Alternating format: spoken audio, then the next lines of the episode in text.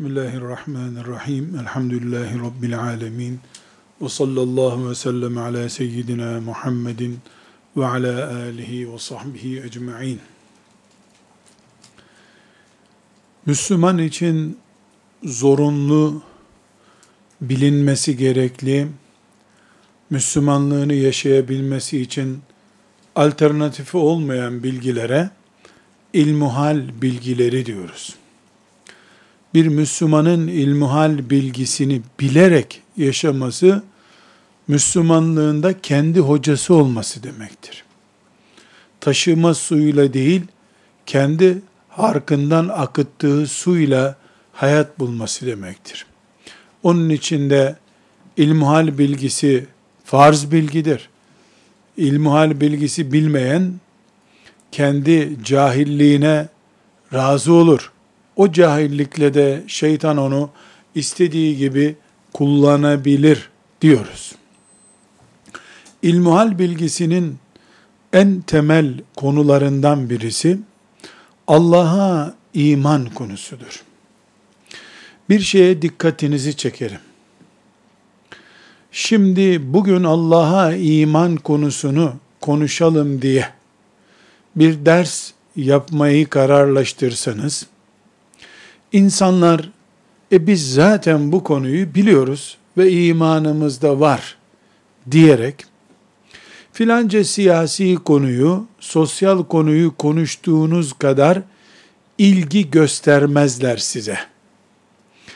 Bu şeytanın zaman içerisinde onları hangi bataklıkta helak edeceğini gösteren işaretlerden birisidir.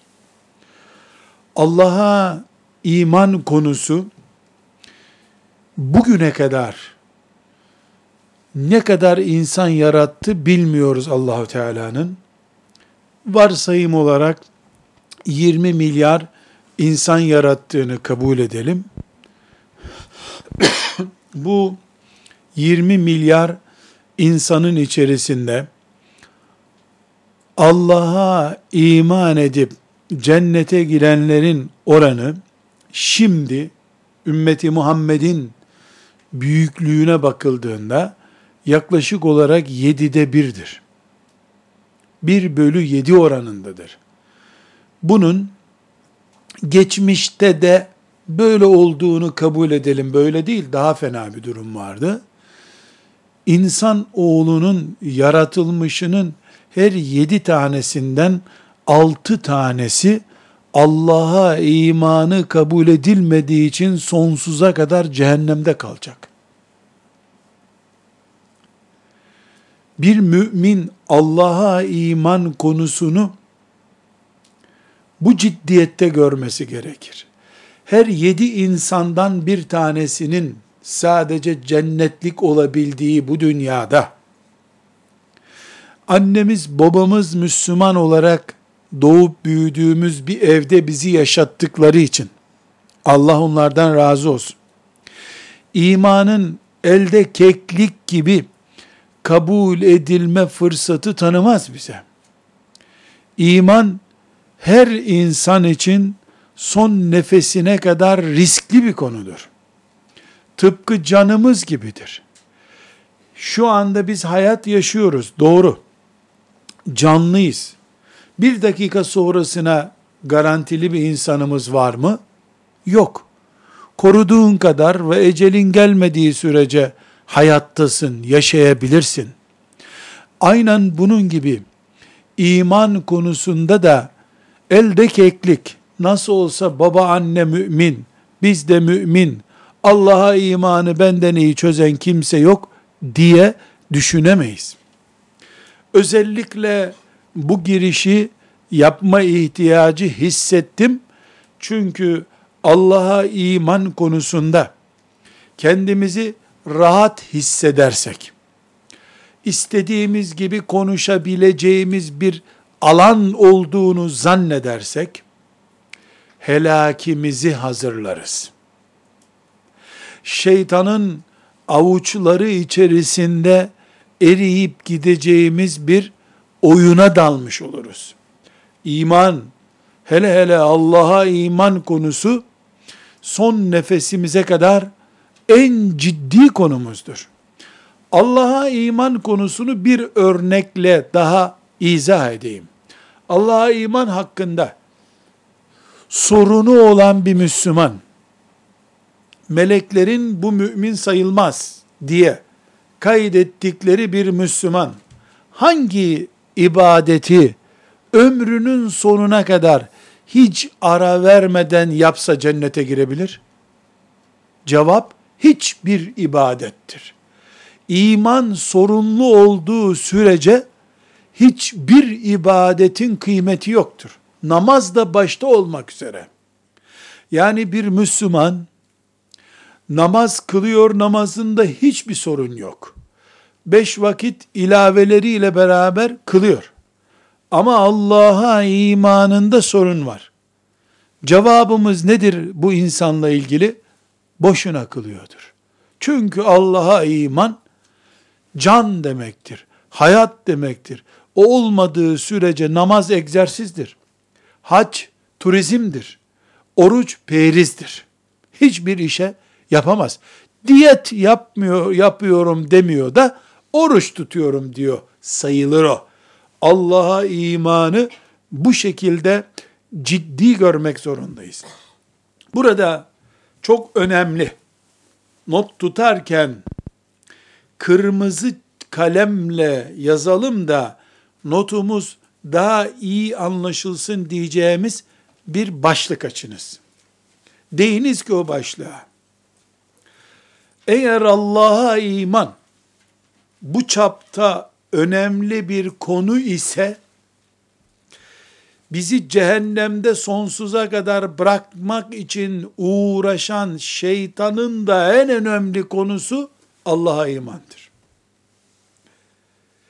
Eğer Allah'a iman namazın bile hayatını oluşturuyorsa, ölü namaza dönüştürüyorsa Allah'a imanda bir sorun varken, şeytan namazdan önce Allah'a imanla uğraşacak demektir. Çünkü şeytan altın dururken demir çalacak bir hırsız değildir. Önünde altın ve demir varsa altını çalar. Demirin hamaliyesine değmez onun için o zaman. Bu da gösteriyor ki insanlar olarak biz cennetimizi kazanma konusunda belki de namazdan, oruçtan, kadınlar için tesettürden çok daha önemli iman konusuna sahibiz. Çünkü iman olmayınca Allah imanımızı iman kabul etmeyince karşımıza çıkacak olan namaz seccadesi alnımızı yere koyup Rabbimizin sevabını kazanacağımız bir ibadet olarak defterimize yazılmayacaktır. Boş bir spor gibi olacaktır o. Namazın önemini hafifletmek için konuşmuyoruz bunu. Haşa. Ama mümin namaz kılar. Kafirin namazı yoktur. Bunu konuşuyoruz. Mümin oruç tutar. Mümin de babası müminiz dediği için mümin olmuş insan değildir. Allah'ı kabul etmiş insandır. Allah'a imanın içini doldurmuş iliklerine kadar onu hazmetmiş insan demektir. İlmuhalin en önemli konusu bu açıdan bakıldığında Allah'a iman konusudur. O kırmızı başlık açtık ya biz dikkat çekmek için. O kırmızı başlığın altına ikinci notu da şunu düşürelim. Resulullah sallallahu aleyhi ve sellem Efendimizin Rabbine kavuştuğu, Rafik-i A'la'ya yükseldiği andan itibaren 1400 küsür senedir ümmeti Muhammed'in başına gelmiş en büyük bölünme, parçalanma, kavga nedenlerinin ucu Allah'a dayanmaktadır. Allah'a iman konusunda o imanı yorumlama, şekillendirme konusunda pürüzler çıkaranlar olduğu için bugün adını duyduğunuz onlarca grup oluşmuştur. Kimi adına şu mezhep, bu mezhep vesaire demiştir. Hiçbiri önemli değil. Toplamda Allah'a imanla birinci dereceden ilgili pürüzler çıkmış. O pürüzlere takılıp kalanlar ashab-ı kiramın peşinden gidememiş, imanlarında sorun ortaya çıkmıştır. Kafir olmuşlardır diye bir cümle kullanmıyorum. Niyetlerinin temiz olabileceğini var kabul ederek ama pürüzlü, sorunlu bir imanla yaşamaya çalıştıkları için şeytan onları avucunun içinde istediği gibi evirip çevirmiştir.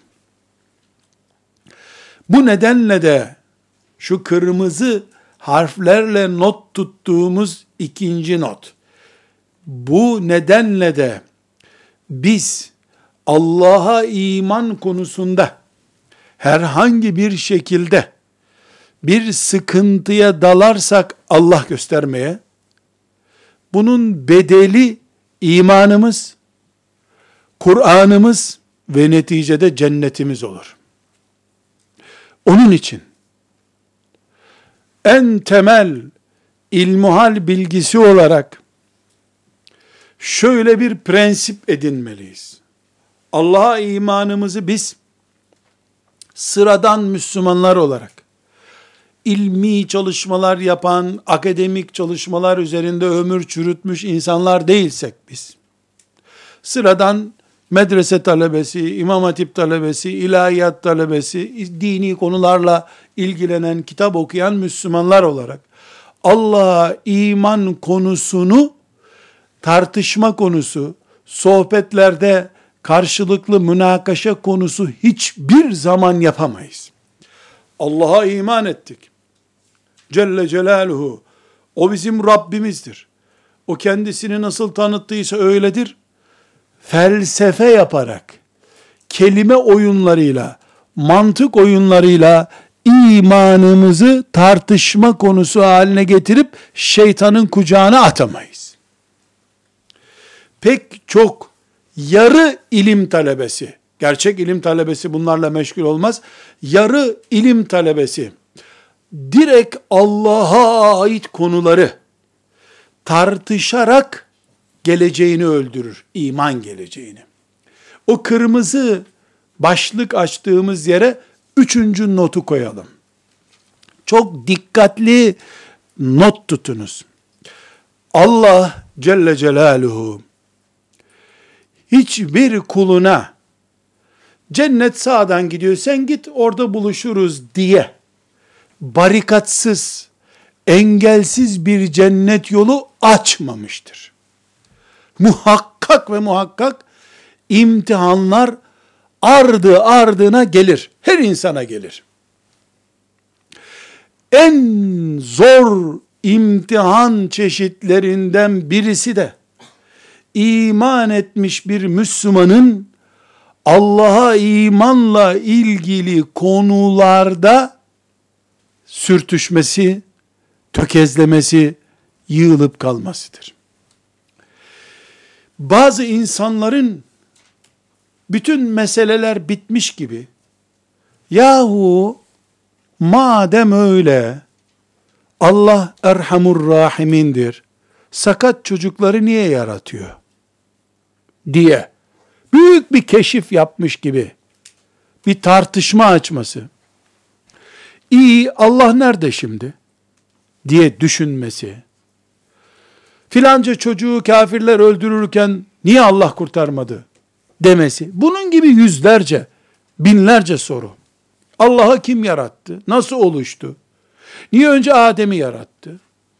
Niye Adem'i dünyada yaratmadı da cennette yarattı? Cevabı onun işine yaramayacak boş sorular bunlar hepsi. Bu kafirlerin oluşturduğu fitne soruları, zihin karıştırmak için sordukları sorular bir başka bölüm. Müslümanların alimler düzeyinde, Ebu Hanifeler düzeyinde tartışabileceği konuların bizim gibi çoluk çocuk seviyesinde konuşulur olması. Bütün bunlar olurken Allah da azze ve cel kimseyi çarpmıyor. Niye Allah böyle yaptı? Çocukların ölümüne niye izin verdi? Dediğinde dili taş olmuyor adamın. Elektrik çarpmış gibi ölmüyor. Kalp krizi geçirmiyor. Dolayısıyla Allah kimseyi de cezalandırmıyor. Sanki istediğin gibi konuşabileceğin, istediğin gibi dedikodu yapabileceğin bir alana benziyor. Hayır. Allah Bilal'in önüne Übey ibn Halef'i çıkartıp kırbaçlattırmayı Bilal'in imtihanı yaptığı gibi kullarının önüne kendisiyle ilgili Allah ile ilgili ağır tartışma konularını da takılıp kalan olacak mı diye Allah koyuyor. Burada müminin vazifesi Allah ile ilgili alimlerin bile ürkerek gireceği konulara çoluk çocuk düzeyinde dalıp imanını tehlikeye mi düşürecek? Yoksa Rabbim sen benim Allah'ımsın Celle Celaluhu. Sen göktesin, yerdesin, arştasın, nerede olursan ol. Sen benim Rabbimsin. Ben senin kulunum. Ağzım açılmaz. Deyip teslimiyetini mi gösterecek? Yoksa bu konularda rakipsiz bir bilim adamı gibi o bunu söyledi, bu bunu söyledi, bu daha doğru, bu daha eğri diye elinin hamuruyla başka işlere mi karışacak? Bunu Allah görmek istiyor. Bilal'in Allah ondan razı olsun kırbaçların önünde taviz verip vermeyeceğini görmek istemişti Allah.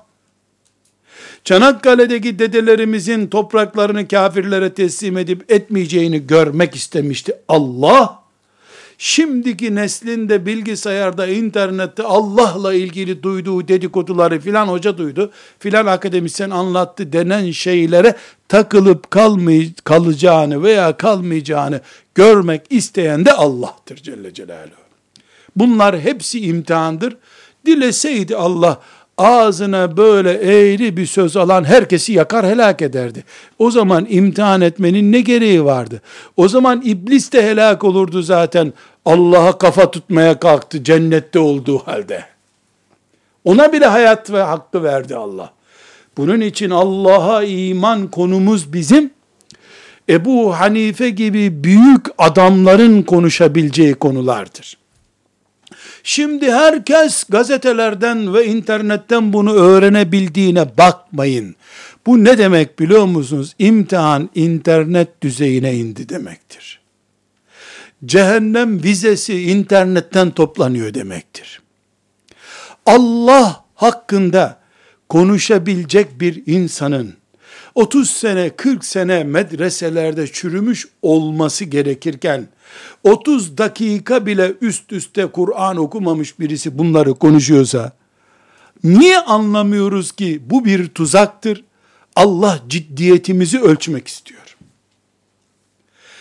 Şimdi şöyle bir soru o kırmızı başlıklarla açtığımız bölümde bir soru gelecek. Biz Allahu Teala hakkında bilgi sahibi olmayalım mı? Doğru, vallahi doğru. Allah hakkında bilgi sahibi olacaksın. Cennetin sahibidir, cehennemin sahibidir, hayatın sahibidir, ölümün sahibidir. Kur'an gönderdi, Muhammed Aleyhisselam'ı gönderdi, namazı emretti, tesettür emretti, cihad emretti. Bak Allah hakkında bilgiler. Sen ne merak ediyorsun? Allah gökte midir, yerde midir? Cebrail aleyhisselam postayla mı gidip ondan aldı ayetleri getirdi, yoksa o bir yere mi gönderdi, mesajla mı gönderdi? Sen ne karıştırıyorsun? Burnunu soktuğun yer neresi? Bilgi edinme yeri mi? İman kurcalama yeri mi senin karıştırdığın yer? Kardeşlerim, hepimiz sağlığımızla ilgili bilgi bilmek zorundayız. Kalbimiz var, kalp krizi geçirilir. Çok önemlidir kalp yaşamı. kan dolaşımı için, kalbin kanı pompalaması için kanın sıvı olması gerekir. Kolesterol olursa kan pıhtılaşır, damarları tıkatır vesaire. Bak bu bilgiler doktor olmayı gerektiren bilgiler değil. Ama çok önemlidir merak ettim diye açıp kalbini kesip nasıl benim kalbim diye bakana rastladık mı hiç? Kalp benim değil mi? Hayatımla ilgili bilgi edineceğim diyebiliyor mu? Bir dakika ey deli oğlu deli dur. Sağlığınla ilgili ana bilgiler yeter sana. Kardiyologlara bırak gerisini. Uzmanına bırak diyoruz. Beynimde acaba bir şey mi var başım ağrıyor diye beynini açıp masasına koyup bakıyor mu insanlar? Allah'a iman dinimizin beyni bizim. Allah'a iman ederek kalbimiz gibi bir organ oluşturuyoruz. Allah'a iman önemli. Yerler gökler Allah'ın, cennet cehennem onun, öldürecek, diriltecek, cennete koyacak, sırat var, mizan var, yeter. İleri geri konuştuğun zaman, kendi kalbine bıçak vuruyorsun sen. Doktor bile olsan, sen kendini ameliyat edemezsin. Doktor bile kendini ameliyat edemez. Bu benzetmemi özellikle ne için anlamanızı istiyorum? Şundan dolayı. Evet, Allah'a iman konusunda bilgi sahibi olmalıyız ama bizim ilim düzeyimize göre olmalı bu.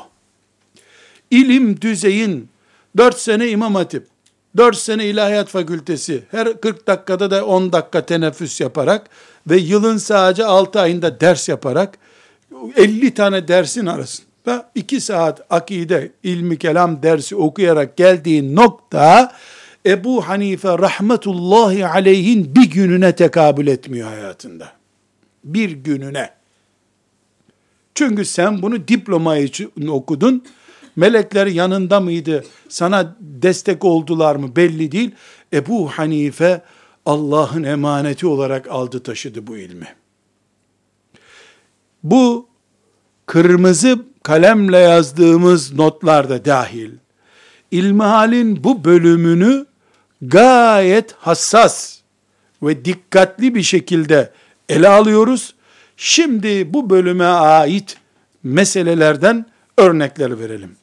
Bir Müslümanın temel ilmuhal bilgisi olarak şunu bilmesi gerekir Allah'a iman konusunda. İlmuhalde de dördüncü başlığımız bu. Hani dedik ilmuhal başlıkları açacağız ya. Dördüncü başlığımız bu. Allah'a imanımız Allahu Teala'nın zatı ile ilgili yani kendisiyle ilgili imanımız demektir. Mümin Allah'ı tanımalı. Nasıl tanımadı? Kendisini Kur'an'da ne olarak tanıtıyor Allah? Ben ekberim, en büyüküm diyor. Tamam öyle. Cennetim var diyor. Öyle. Er-Rahman, Er-Rahim diyor. Öyle ya Rabbi. Şeriat gönderdim size. O şeriat benim şeriatımdır. Ona göre hayatınızı düzenleyin diyor. Peki ya Rabbi. Ben yaratır, ben öldürürüm diyor. Tamam ya Rabbi. Peki ya Rabbi. Çok merak ettik. Seni görebilir miyiz? La tudrikuhul absar. Gözlerinizle Allah'ı göremezsiniz. Gir cennete, cemaline bak. Orada göreceksin. Cennete girene kadar Allah'ı görmek yok. Peki ya Rabbi, madem seni göremiyoruz, elin nasıl senin? Ayağın nasıl? Gözün varsa nasıl? Dur. Ey dil, dur. Bu sözleri kullanma. Neden? Çünkü Allah yaratıcıdır. Yaratılmışla benzeşmez. Yaratılmışına benzerse Allah, o Allah olmazdı o zaman. Allah senin gibi dün yoktu bugün var yarın da olmayacak biri değil. Geçmişi yok Allah'ın geleceği yok rakamsal olarak. Şu zamandan beri var şu zamana kadar var olacak değil. O sadece Allah'tır. Sadece Allah'tır. Peki ben Rabbimi nasıl tanıyacağım? Şu şekilde tanıyacağım. Kur'an'ın ve hadisi şerifler bana Allah'ın isimleri var diyor. Esmaül Husna, el Esmaül Husna diyoruz.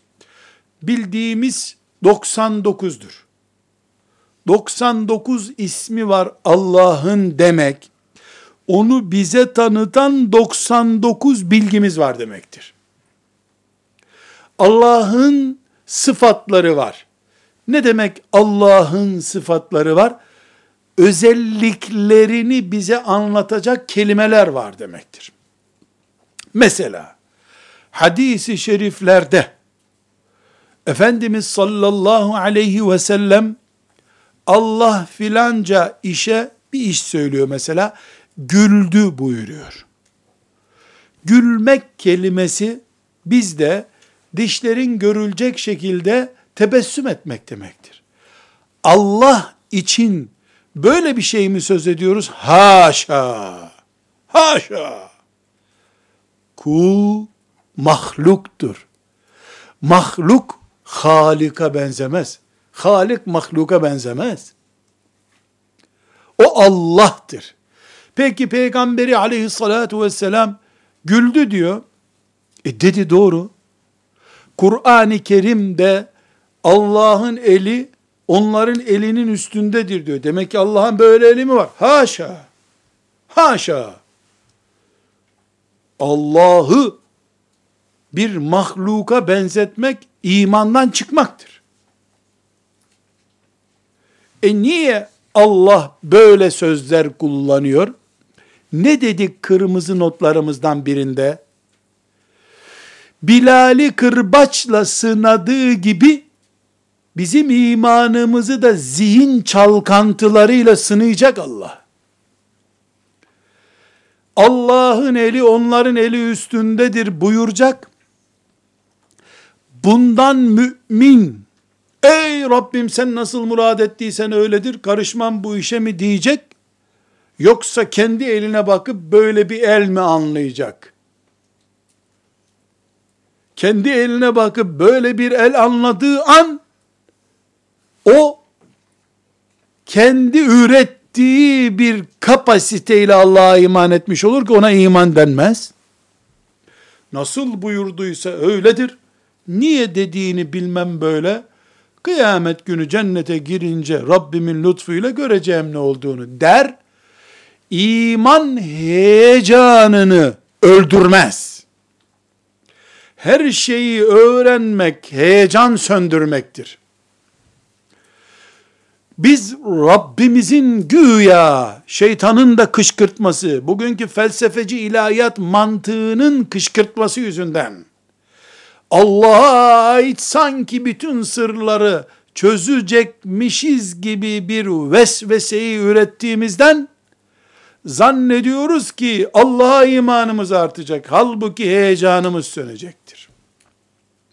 Elini bir şeye benzettik. Görmesini, gülmesini bir şeye benzettik. Bu benzetmelerin neticesinde imanımız erir.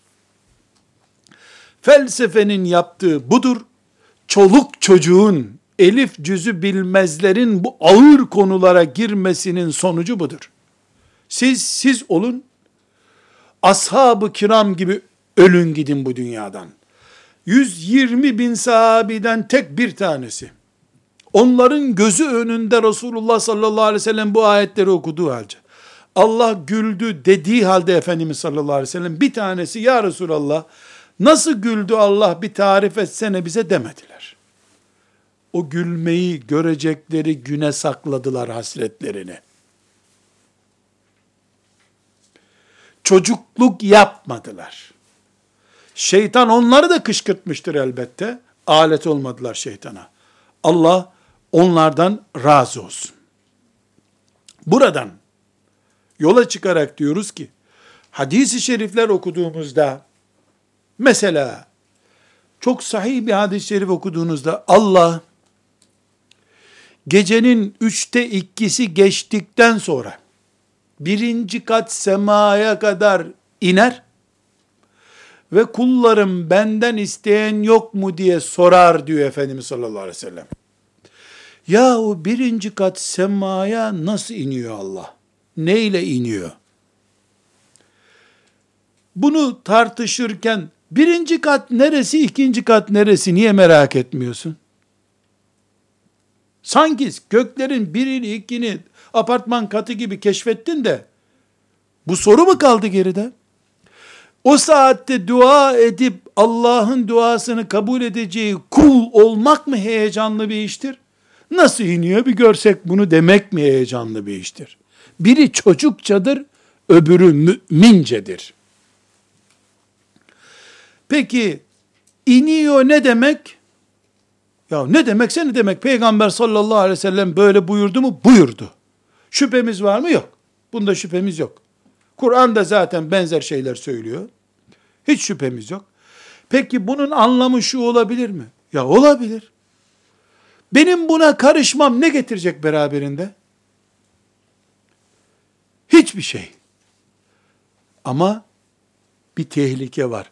Heyecanım sönecek benim. Heyecanım sönecek.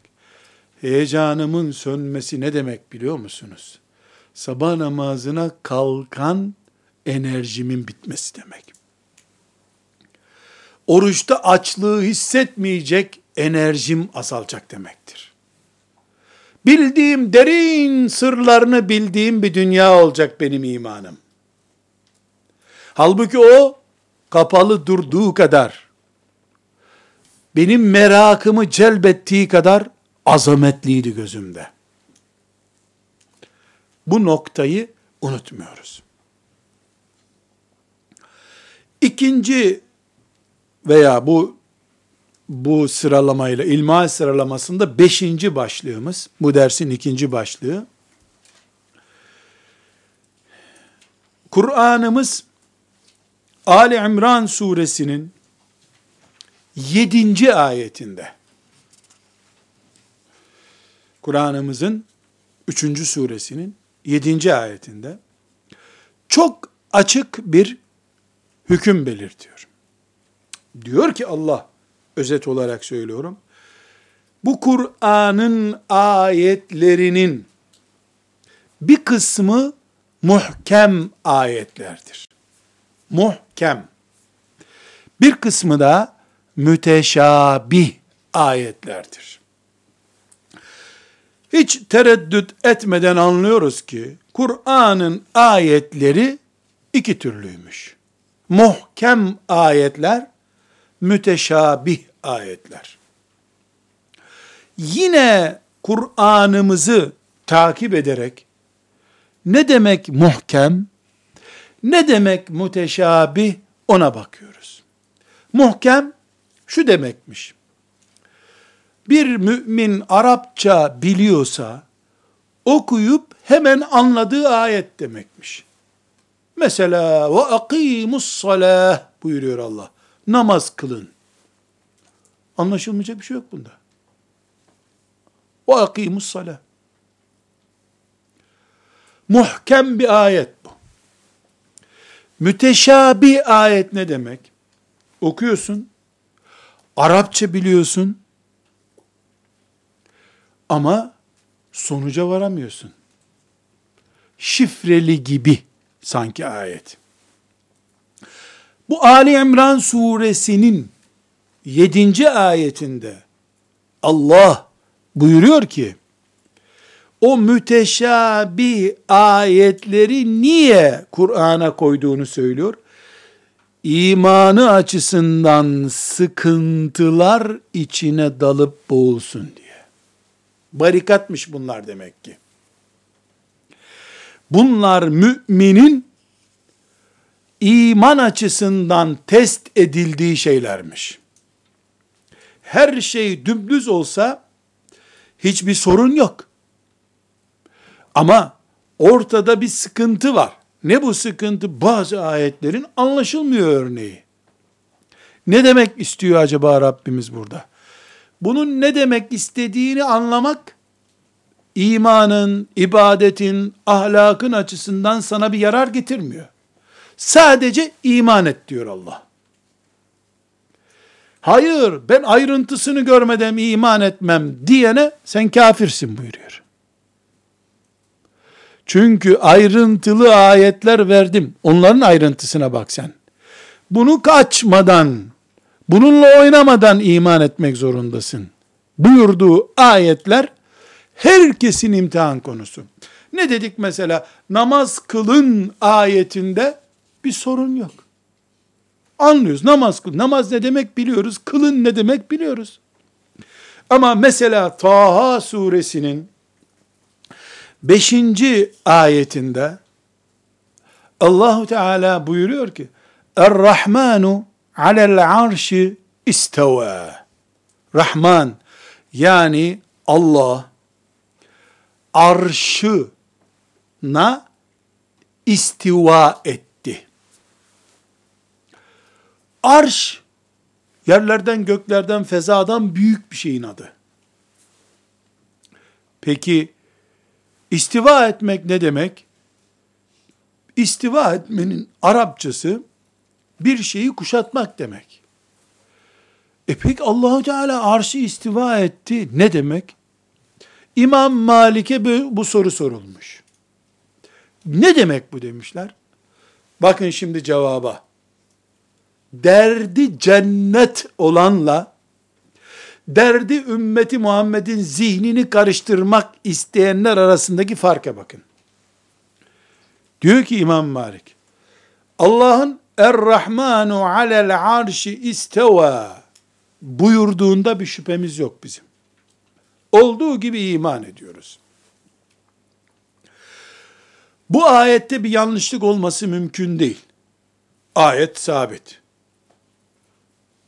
Bunun Allah'ın şanına, büyüklüğüne aykırı bir şey olması da mümkün değil. Böyle iman edip gideriz biz. Ama senin bunu tartışman bid'attır. İman tehlikesidir demiş. Çünkü Allah bunu kim tartışacak, kim iman edecek onu görmek için koymuş. Ali İmran suresinde de böyle ayetler gelecek bu Kur'an'da dikkat edin buyurmuş. Özellikle sen niye karıştırıyorsun bunu? Burada yine kırmızı kalemimizle bir not daha düşüyoruz. Allah'a imanla ilgili bir konu olduğu için. Ümmetin alimlerini biz klasik bir şekilde selef alimleri ve halef alimleri diye ikiye ayırırız. Peygamber Efendimiz sallallahu aleyhi ve sellemin yaşadığı asır birinci asır, ondan sonraki ikinci asır, ondan sonraki üçüncü asır. Bu üç asırda yaşayanlara alimleri kastediyoruz. Selef alimi deriz. Bu üç asırdan sonra gelen alimlere de halef alimi deriz. Yani önceki alimler sonraki alimler demek. Öncekilerle kim kastediliyor? İlk üç asır. İlim ölçüsü değil bunlar. Zamanlama ölçüsü. Alimliklerinin büyüklükleri, küçüklüklerini değerlendirmesi değil. Bu noktada ümmetin selef alimleri, yani Ebu Hanifeler, İmam Malikler, Hasan Basriler ve o büyük ilim kadrosu ve onların başında da ashab-ı kiram. Allah onlardan razı olsun. Onların hepsine selef alemi denir. Ondan sonrakilere de halef alimi, sonradan gelen alimler denir. Selefi diye bir kavram sık sık duyuyorsunuzdur. Selefi de bulunduğu çağ ne kadar sonra olursa olsun ilk üç asra bağlı adam demek. Kağıt üzerinde böyle. Kimin ne kadar selefi olduğunu da Allah bilir tabi. Lafla selefilik olmuyor. Arada asırlar var çünkü. Kafanın içinde selefilik olur. Bedensel selefilik olmaz. Peki selefi Müslüman yani ashab-ı kiramın izinden ilk üç asrın alimlerini takip eden Müslüman e, nasıl bir Müslümandır? Gerçekten öyleyse Müslümanlık odur zaten. Ama selefiliği bir parazitlik çeşidi olarak kullanıyorsa, hem selefe bağlıyım diyor hem de kendisi hep konuşuyorsa, dine bid'atler veya riskler taşıyorsa, bu sahte selefilik denir. Lafla selefilik denir. Ayrı bir meselemiz. Şimdi Er-Rahmanu alel arşi isteve. Allah yani Rahman diyor ayet. Allah demek arşına istiva etti. Peki bu ne manaya geliyor bizim için diye sorduğumuzda dedik ki selef alimleri şu şekilde yorumlamışlar. Allahu Teala ne kastettiğini kendi bilir. Bize bunu tartışmak düşmez. Biz iman ederiz. Ne kastettiğini de konuşmayız. Allahu Teala'ya layık olmayan bir ifadeyi de kabul etmeyiz. Halef alimleri yani ümmeti Muhammed'in çocuklarının felsefe öğrendikten sonraki zamanlarda doğup büyüyen halef alimleri bakmışlar ki insanlar çok feci bir şekilde bu bağlantıları kuruyorlar. Bu tür ayetleri cehenneme girecekleri şey olarak kullanıyorlar.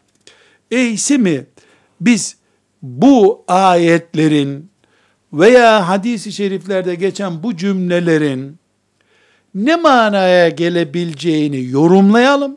Buna tevil deniyor. Tevil edelim. İnsanlar gelişi güzel edepsiz bir şekilde ve imanları tehlikeye girecek bir şekilde bunu yorumlamasınlar demişler. Allah onlardan razı olsun. Başta Ebul Hasan el-Eş'ari, Eş'ariye mezhebinin banisi ve ardından e, İmam Maturidi, Maturidiye mezhebinin sahibi ve sonra onlara yakın diyebileceğimiz ekollerdeki alimler demişler ki bu tür ayetleri böyle ulu orta bırakamıyoruz. İnsanlar gelişi güzel yorumluyorlar. Burada mesela Allah arşı kuşatmıştır demektir bu. Allah'ın eli onların eli üstündedir buyurduğu zaman ayet bu Allah'ın rahmeti onlarla beraberdir. Onlara yardım ediyor demektir. Allah gecenin üçte ikisinden sonra birinci semaya iniyor demek tecelli buyuruyor. Oradan kullarını e, dualarını duyacağını söylüyor demektir. Allah güldü dediği zaman Efendimiz sallallahu aleyhi ve sellem razı oldu demektir demişler. Burada ne sonuç ortaya çıkıyor? Şu sonuç ortaya çıkıyor. Demek ki hem selef alimleri hem halef alimleri yani ümmetin bütünü filozoflar ve bu işten tez yazıp ekmek kazanmak isteyenler hariç selef ve halef ümmetin bütün alimleri bu tür ayetlerin ve hadislerdeki bilgilerin yüzeysel anlaşılamayacağı, anlaşılmasının doğru olmayacağı konusunda hem fikirdirler. Hiçbir tartışma yoktur. Yani hiç biri Allahu Teala'nın eli üstündedir, müminlerin eli üstündedir sözünden böyle bir tokalaşmayı anlamamışlardır. Selef alimleri ne demiştir? Bıraktık Allah'a bu işi. Ne demek olduğuna karışmıyoruz demişlerdir. Ebu Hanife, İmam Malik, İmam Şafii, Ahmet bin Hanbel, ashab-ı kiram hepsi için geçerli bu. Hiçbiri bu konuda yorum yapmamışlardır. Diğer alimler felsefe etkisindeki nesilleri kurtarmak için böyle bir yorum yapmışlardır. Bu yorum herhangi bir şekilde ayetlere ilave getirme yorumu değildir. Ya nedir? En zararsız bir şekilde nasıl anlaşılabileceği konusudur. İmam Nevevi rahmetullahi aleyh 6. asırda yaşamış, 6. asırdan sonrasında kitapları, ders kitapları olmuş olan ümmetin büyük alimlerinden birinin yaptığı özeti size anlattım. Daha gerilere gittiğimizde İmam Tirmizi rahmetullahi aleyh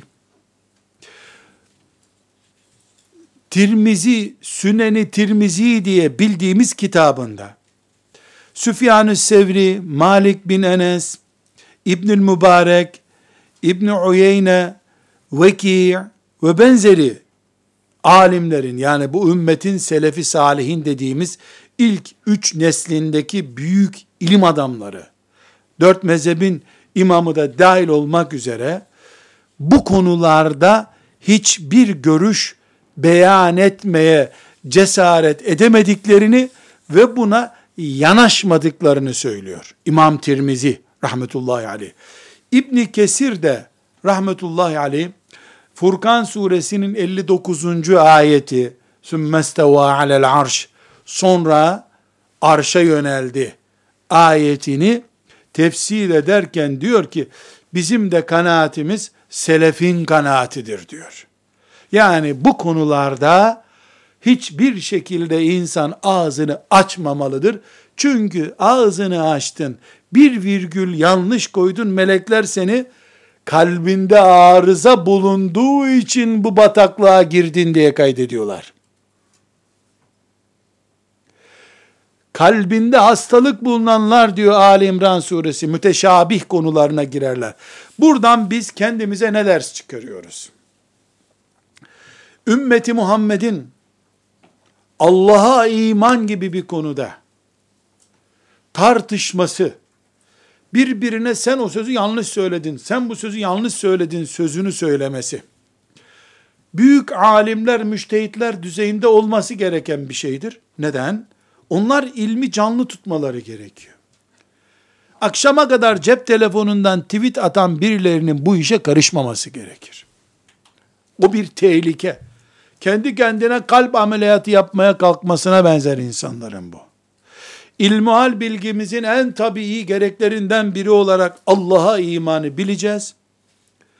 Ümmetimizin diğer ümmetlerden farkının Allah'a imanda bu bataklıklara batmayan bir ümmet olması gerektiğini bileceğiz.